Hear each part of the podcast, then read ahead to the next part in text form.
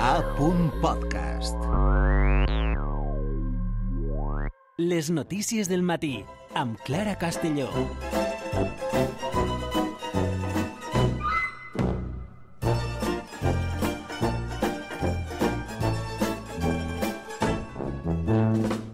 Dijous sempre ens guardem uns minuts en el magazín de les notícies del matí per fer una ullada a les novetats seriòfiles que arriben a les diferents plataformes televisives. La nostra col·laboradora, col·laboradora Aranxa Gil ens posa en sèrie. Aranxa, molt bon dia, com estàs? Molt bon dia. Vull anar tan ràpida que ja Anem tots atabalats este 29 de febrer, ja? la veritat. Sí? I això que tenim un dia més i mira. Això t'anava a dir, tu vas aprofitar el dia d'avui per a fer alguna especial? Mm, És que, clar, una volta cada 4 anys, jo què sé. Tu què vas a fer? Jo, eh, què te vaig a dir? Bones sèries, és que ja ho saps. Eh, tinc una quantitat d'estrès que no me l'aguante i ni en, ni en un any, en 13 mesos, un any d'estos de traspàs, si podria dir-se, ni jo em posaria al dia en això. Però és Ni tu, veritat... però si tu no el poses al dia, imagina la resta d'humans. No, és veritat que jo també vull abastar molt i no, no sempre es pot. El cas és que sí que és possible que s'acabi abans la nostra paciència amb tot el que tenim pendent, Mhm, perquè mhm. just ahir arribava un nou correu electrònic a la meva bústia on Sí. se'n m'indicava que a partir d'abril Prime Sí, Video sí. inclourà anuncis en el seu pla bàsic i per eliminar-los haurem de pagar una mòdica quantitat extra de dos euros més, eh, una plataforma més que es suma Mm. a, a d'això de la publicitat. Mhm. I una altra notícia Sí. que es suma a la pujada de preus, que també hem sabut fa poc, que aplicaran Sky Showtime, que pujarà, pense que són eh, dels dos euros al mes també, Ah, sí? eh, Amazon Prime també ve amb una pujada, Disney Plus també, és a dir, que ja Vale, tots, tots. venien les plataformes els, a els canviar-ho... sous també ens els pugen? No. No. Sí, poc, un 0,01%, però és veritat que no està pujant el preu de la vida. Venien les plataformes a canviar este paradigma de l'audiovisual i resulta que cada volta el que fan és assemblar-se més a la televisió tradicional. Tota la raó del món, estem cada volta més a prop dels final de l'època daurada de les plataformes, creus, Aranxa? No ho sé segur, però sí tinc prou clar que és veritat que les coses estan canviant i que Mm. nosaltres anem a estar ahí per a patir-ho, sobretot, i per a comentar-ho també. Així que, mentrestant, si et sembla, aprofitarem un poc per a continuar veient tot el que podem dels catàlegs que ja tenim, ara que els tenim pagats un poc més econòmics, no siga cosa que arribi també el moment de racionar-nos les subscripcions. No, no, no. Doncs aprofitem això i fem una batuda ràpida abans que Prime Video faça efectiva aquesta pujada de preus. Avui serà, de fet, la nostra protagonista. Portem tres propostes diferents que podem trobar en el seu catàleg. Comencem amb Expatriades, una recomanació que pot ser, recorden els nostres oients, perquè va ser un dels títols que estava en aquesta llista de les sèries més esperades de 2024. En tenim, de fet, avui un parell d'ixes, eh? És veritat Mhm. que han començat l'any amb títols que, que teníem ganes. Eh, Potents, expatriades, sí. un nom prou horrible si tenim en compte que fa referència a les persones migrants que per pertànyer a països rics es considera que no encaixen en l'etiqueta d'immigrants que de fet és exactament allò que són. És que fins i tot la gent amb diners té dret a escollir les paraules De amb com les que... s'anomenen. Efectivament. Eh, ai, no es molesta que el llenguatge sigui inclusiu, que Oh, canvi el no, llenguatge. no. És que amb diners sempre de torrons. El cas és que, tenint en compte que Expatriades es venia com una sèrie sobre les vides d'estrangers instal·lats a Hong Kong, la por em portava un poc, a mi i a les xarxes socials, a especular que poguera acabar de convertir en una sèrie irritant i un tant pedant. Anem a veure si és així, fem un tast. A veces quiero estar sola, no ser la esposa de nadie ni la madre de nadie. No estar definida por la tragedia. ¿Nunca lo echas de menos? Estados Unidos. Me gusta nuestra vida aquí. La comida, la ayuda, hace que todo sea más fácil. Es de la familia. Eres su jefa, no su amiga. Hong Kong iba a ser un nuevo comienzo. ¿Un nuevo comienzo? ¿En serio? ¿Con 24 años? Mi matrimonio se ha acabado. No sé qué coño hago aquí. ¿Nunca te imaginas viviendo una vida completamente diferente? Veritat que, per sort, després de veure els primers episodis, i por es dissipa perquè Lulu Wang, que és guionista i directora de la sèrie, és conscient del significat i de les connotacions del terme expat, que és un poc el que motiva el títol de la sèrie. Mhm. Les protagonistes, com comentàvem, tenen xòfers, tenen criades, sempre a la seva disposició, però totes elles, com ho escoltàvem en el tall, estan marcades per una tragèdia, que això és veritat que també ens afecta per igual a persones amb més diners i amb menys.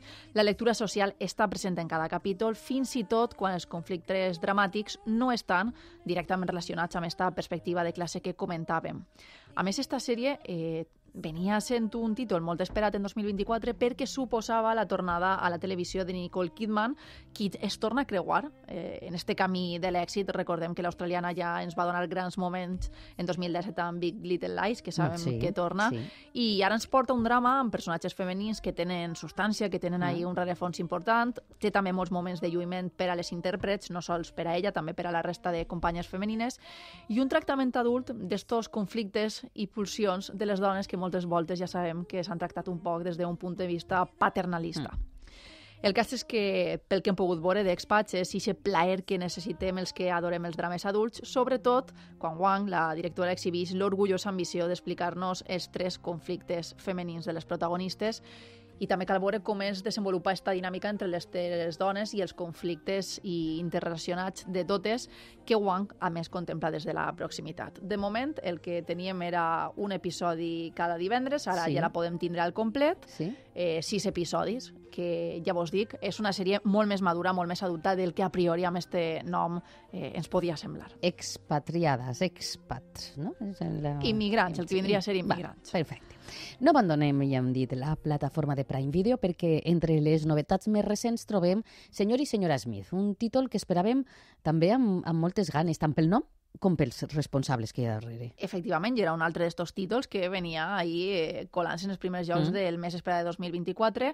Eh, jo amb este projecte tenia un poc de por, perquè és un remake que ha passat per diferents etapes. Primer va ser eh, por, el que jo vaig sentir quan es va anunciar, perquè eh, ja sabem que este film original amb Angelina Jolie i Brad I Pitt Brad, és mhm. prou rodó. De Mhm, fet, sí, és, sí. és el film que va portar al conegut Brangelina i tot el que Sí. vindria després. Després jo ja vaig passar per una segona etapa d'èxtasi, quan es va anunciar en un primer moment una col·laboració entre Donald Glover, que és autor de sèries de cult com Atlanta, i Phoebe Waller-Bridge, que està darrere del gran èxit que ha sigut Fleabag i que és una de les Mhm. creadores més importants de, del moment actual, i tots dos junts anaven no només a crear-la, sinó també a guionitzar-la i a protagonitzar-la. Però és veritat que eh, no podíem ser feliços molt de temps, les últimes etapes van ser de drama, perquè ells es van adonar que no, que no acabaven de, de casar creativament, que no els anava bé eh, treballar junts, que tenien dos mentalitats artístiques molt definides, però també molt, Molt difícils, diferents, clar, molt difícils de combinar, i Waller-Bridge es va decidir eh, distanciar del projecte. I bé, després va vindre la curiositat, perquè va ser Francesca Sloan, amb qui Glover ha treballat en Atlanta, qui va entrar a ocupar el lloc de Waller-Bridge Mm. i a dirigir. Ja havia escrit en produccions com Fargo o Fargo Seven Seconds, això donava un poc d'il·lusió al projecte, així que anem a veure quin és el resultat d'esta unió creativa. ¿Tú conocías Nueva York? ¿Podemos preguntarnos eso? ¿Y tú has matado a alguien? No, no, no. A nadie. ¿No? No. ¿Estamos casados? Que quede claro, no pienso enamorarme. ¿Y a qué os dedicáis? Programadores de software, Software, ingenieros. Ingenieros. Casi la palmo. ¿Qué tal vuestra intimidad? ¿Cómo lleváis eso? ¿Qué crees que pasará si fallamos? ¿En el matrimonio? En la misión. Mi esta sèrie m'ha fascinat. sí, ja, té un este toc tall ahí, només, caram. Que té ahí un toc eh, d'humor molt bo. La sèrie es centra en dos desconeguts, aquí interpreten Glover i Maya Erkin, que aconsegueixen feina per a una misteriosa agència d'espionatge que els ofereix una vida de riquesa, viatges pel món i una casa de somni a Manhattan. És que qui no voldria aquestes coses? Home, si jo que no anunci en LinkedIn me'n vaig de cap, la veritat. Directament. Però hi havia un problema. Han de fingir ser el senyor i la senyora John Ah, i Jane Smith. mhm. Una sèrie que, tot i la premissa calcada a la pel·lícula A la peli? original, Mm. sí que s'allunya prou i de forma considerable d'esta versió de, de Angelina i de Brad Pitt. La pel·lícula era òbvia, era explosiva, era convencional i també era taquillera. Eh, tenia uns físics molt normatius i molt caucàsics, un poc el que els 90 i els 2000, uh -huh. principis dels 2000 ens portaren.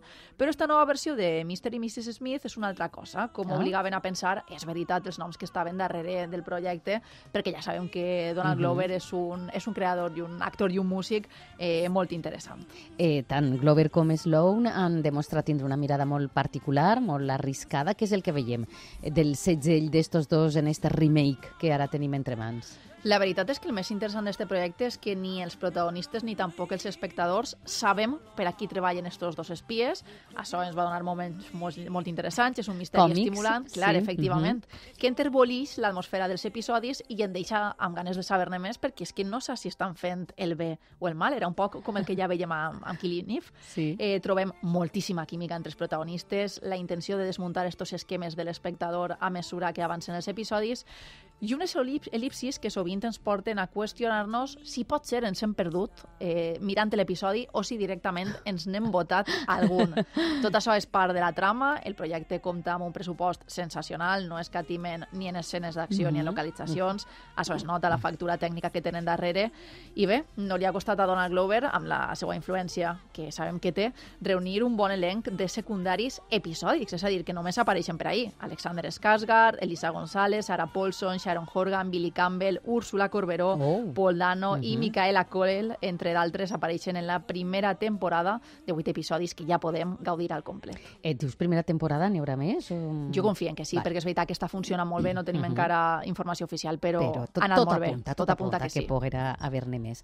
Per últim, però no menys important, avui mateix tenim l'arribada d'una de les estrenes més esperades de la temporada, Reina Roja. Efectivament, l'adaptació de l'aclamat supervendes de l'escriptor Juan Gómez Jurado també es trobava entre les arribades més esperades del 2024 en matèria audiovisual, la primera produïda a l'estat espanyol i per fi ha arribat a les nostres pantalles. Anem a fer un xicotet tas del que ens espera si ens endinsem en este univers misteriós. Hace unos años se creó en Europa un programa para escoger a los mejores agentes de cada país, el rey o la reina roja. Se llama Antonia Scott, tiene 34 años y un cociente intelectual de 242. Eso la hace la persona más inteligente del mundo. Usted sabe cosas que no debería. No se ve nada, ¿cómo puedes conducir? De memoria. Quiero que sea el escudero de nuestra reina roja. ¿Qué ves, Scott? El asesino le introdujo una cánula en la carótida y lo vació. Lo volverá a hacer. La policía no sabe nada de todo esto. Nadie sabe nada de todo esto. En mi vida he visto algo mejor planificado. Todos nos han mentido. Se acabaron los secretos.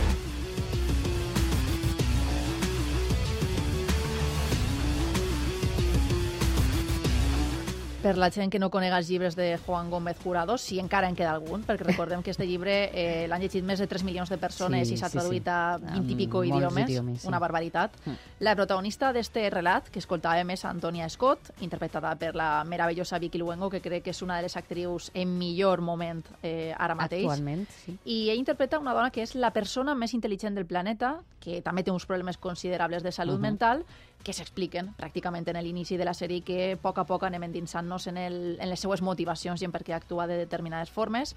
I ara, Antonia Scott ha de seguir la pista d'Ezequiel, un assassí molt enrevessat que ha segrestat i assassinat el fill d'una de les famílies més importants i poderoses de l'Estat.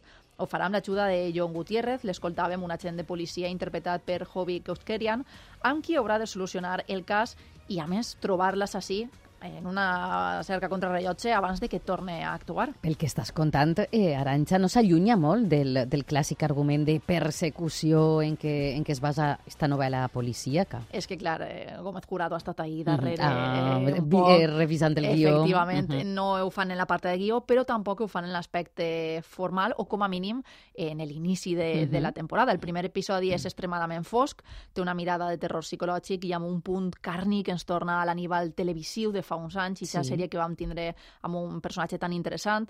I després és veritat que ja a partir del segon, sobretot tercer episodi, va perdent un poc este punt tan distintiu i tan arriscat que tenia el projecte i que el fa tan interessant. I a Molt bé, la mesura... novel·la el manté ahí. Efectivament, però Amb el... És veritat que a mesura que avancen els episodis... Sí, va baixant. Sí, la sensació és que la, la sèrie es torna molt més convencional, Mm. també molt més simpàtica. Sí que veiem en els llibres que ells dos tenien una relació molt interessant, Mm. hi ha molta, molta química entre Luengo i Kouchkerian, però és veritat que se'n va un poc se'n va un poc del camí de la foscor, que al cap i a la fi estan tractant temes que, que no són fàcils que no són fàcils de veure. De fet, en el primer episodi ja tenim escenes que no són aptes per a tots Mm. Ja, els a tots els estómacs. públics. Eh, si heu llegit el llibre ja sabeu Sí. de què Mhm. parle. I, clar, a partir del segon tercer episodi es torna una sèrie molt més lluminosa i això pot ser eh, siga un poc un xoc no? per a les persones que, que hem llegit els llibres. Eh, sí que s'ha de dir que, com comentàvem, això és en part gràcies a la química que tenen els dos protagonistes. No era gens fàcil trobar un actor i una actriu per a interpretar estos papers perquè ja estaven en la, en la ment dels que havien llegit el llibre i trobar dos personalitats que s'adaptaren tan bé. Que encaixaren a aquests personatges. Però és veritat que a, a nivell de cast ha sigut, ha sigut espectacular i jo diria que brilla més eh, Hobbit mm? que, que Vicky Luengo, tot i que ella eh, està meravellosa. Què té Reina Roja? La veritat és que té molt de potencial per a ser el fenomen espanyol i que la gent s'obsessione. Ha despertat un poc crítiques tan bones com, com no tan bones, com la veritat. negatives. Sí, perquè diuen que és una sèrie un poc tramposa, que com que s'endinsa molt en el, en el gènere i en els trops del gènere com a tal i que, i que no arrisca, que és un poc el que s'esperava d'esta novel·la que, que venia, és veritat, a, a ser un poc crònica negra, que no en teníem tant en els últims Mm, anys mhm. en la literatura de l'estat espanyol.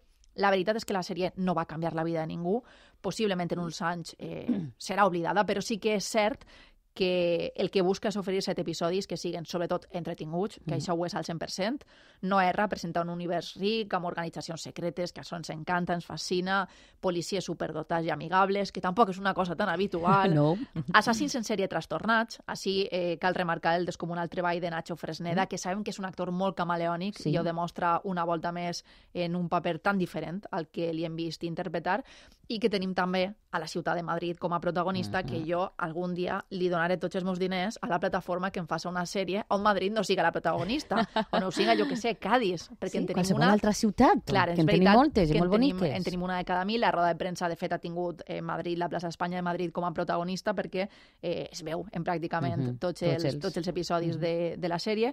I bé, la realitat és que Reina Roja ha esdevingut un thriller entretingut, eh, n'hi ha molt bona dinàmica entre ells, la pena, com comentàvem, és ixe risc que es va perdent per el camí i que sí que, que, sí que esperàvem en un projecte de tal, de tal magnitud com la, que, com la que ens presentava ara Amazon. Mhm. Molt bé, doncs ahí tenim aquestes tres estrenes en Prime Video. Canviem de plataforma i fem parada en HBO Max. S'ha fet esperar, però finalment tenim una nova entrega dins de l'antologia de Feu. Com, com, com pronunciem? Feu, no ho sé, la veritat és que no ho sé. bueno, es tracta de Capote versus The Swan.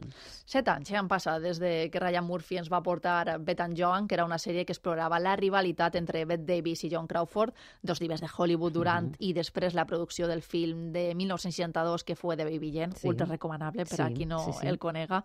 I ara de la mà de Gus Van Sant ens porten un nou escàndol protagonitzat de nou per un espectacular elenc. Tom Hollander, Naomi Watts, Chloe Sevigny, Diane Lane, Calista Flockhart Uau. i Demi Moore, Uf. amb les aparicions estel·lars de Molly Ringwald i Jessica Lange. Uh. No és poca cosa, eh? No, no. We made New York the capital of the world, the center of everything sex, money, and endless adventure. Hello, ladies. We see the importance of presentation. Tell me everything. Here's the fact even your sister will steal your man.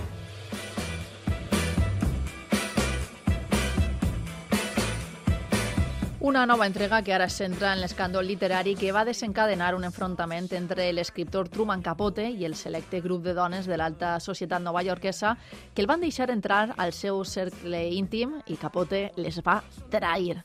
Estos, Ai. estos personatges, aquestes persones de l'alta societat es denominaven signes Mm. i trobem noms com el de Bay Paley, que és la dona d'un dels fundadors de la CBS, que és el canal televisiu Sí, més important més dels Estats important. Units. Mhm. Sissy Guest, que era musa, va ser musa de Salvador Dalí i de Diego Rivera, entre d'altres, Lee Radziwill, que era germana de Jacqueline Kennedy, i Slim Keith, qui va descobrir l'actriu Lauren Bacall, és a dir, persones molt Caram, poderoses caram. en, en el moment. Com podeu imaginar, eren gent molt ben posicionada, amb molts contactes, que va portar a Capote a estar en el millor moment de la seva vida. Ell venia de publicar eh, i convertir en èxit la seva novel·la Sangre Fria, tenia una bona vida, tenia popularitat i, a més, s'aprofitava de les festes i de l'estatus que li proporcionava formar part del cercle d'estes socialites.